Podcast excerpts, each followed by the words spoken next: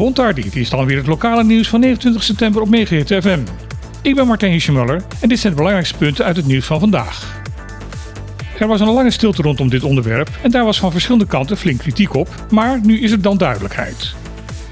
Gisteren maakte staatssecretaris van Koninkrijksrelatie Alexander van Huffelen en minister van Klimaat en Energie Rob Jetten bekend dat Nederland ruim 33 miljoen dollar extra zal gaan investeren voor de versnelling van energietransitie in Caribisch Nederland. Op deze manier moet de energievoorziening op Bonaire uiterlijk 2025 minstens voor 80% duurzaam worden opgewekt. Momenteel is dat nog 30%. Van het nu toegezegde geld zal Bonaire 10 miljoen krijgen. Daarnaast heeft de Nederlandse beleidsdeelneming Bonaire Brandstofterminals al eerder voor dit doel een subsidie van 10 miljoen van de Nederlandse staat ontvangen. Verder zal ook de elektriciteitsproducent op het eiland, Counter Global, een eigen investering gaan doen voor dit project. Gedeputeerde Hennis Stielman zegt tevreden te zijn met deze ontwikkeling. Alleen vindt hij dat er op korte termijn nog wel iets gedaan moet worden aan de torenhoge energieprijzen. Ook daar had Van Huffelen goed nieuws over. Ze zegt ertoe dat de komende maand meer nieuws komt over het invoeren van een prijsplafond voor energieprijzen. Zoiets is in Europees Nederland al eerder afgesproken. De bekendmaking gisteren van het onderzoek van de Vrije Universiteit Amsterdam over de gevolgen van de klimaatsverandering voor Bonaire heeft in Nederland de nodige stemmen losgemaakt. Meerdere grote en belangrijke media in Nederland hebben er uitgebreid over bericht. Zo besteden de NOS, Nu.nl, RTL en NPO Radio 1 er aandacht aan.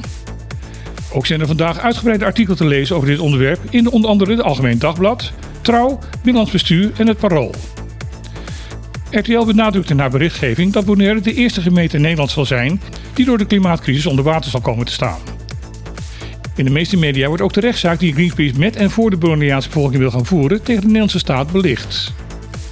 Greenpeace heeft dit onderzoek laten uitvoeren omdat zij vond dat de Nederlandse staat hierin in gebreken bleef. Nu het onderzoek er ligt, zegt de Rijksoverheid er blij mee te zijn. In een artikel in dagblad Trouw zegt de woordvoerder van Koninkrijksrelatie dat het kabinet graag met Greenpeace in gesprek wil gaan om hun inzichten te kunnen betrekken bij de vervolgstappen. Het Curaçaose parlementslid Reynold Kalmes van de partij Trabouw de Corsau heeft in de Tweede Kamer voor een opmerkelijk incident gezorgd. Dat is te lezen in een artikel van het Caribisch Netwerk. Tijdens het interparlementair Koninkrijkoverleg, dat momenteel in Den Haag plaatsvindt, heeft Kalmes, de andere deelnemers van het overleg, in het parlement toegesproken tijdens een vergadering in de Tweede Kamer. PIPCO-voorzitter en Kamerlid Marielle Pauw van de VVD gaf Kalmes een aantal minuten de tijd om zijn speech in het parlement te houden, maar greep uiteindelijk wel in. Dit is niet correct, was haar commentaar. Ja, dit is lastig voor jullie, maar het is voor mij lastig om net te doen alsof ik jullie taal goed spreek, was de reactie van Kalmes daarop. Zijn actie resulteerde in diverse geïrriteerde blikken bij de leden van de Nederlandse delegatie. De Curaçaose statenvoorzitter, Carrette America Francesca, gaf aan dat de taalkwestie voorafgaand aan TIPCO bij Nederland was aangekaart. Nederland had toen beloofd hier wat aan te doen, dat blijkt dus niet te zijn gebeurd. D66-Kamerlid Jonien Wuiten, zelf van oorsprong Antilliaanse, vindt het belangrijk dat deze vraag nu op tafel is gelegd. Het hoort thuis bij wat we hier gaan bespreken, het koloniaal verleden. De zorg en jeugdzorg in de BES moet gelijkwaardig worden aan die in de Europees Nederland.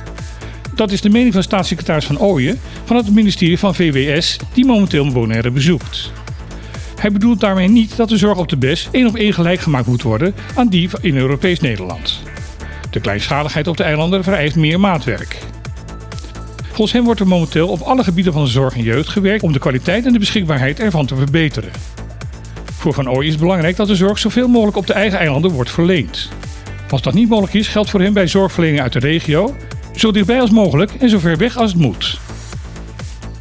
Dit was weer het lokale nieuws van vandaag op Megahit FM. Ik wens u nog een hele mooie dag met niet al te veel onweer en regen en graag tot morgen.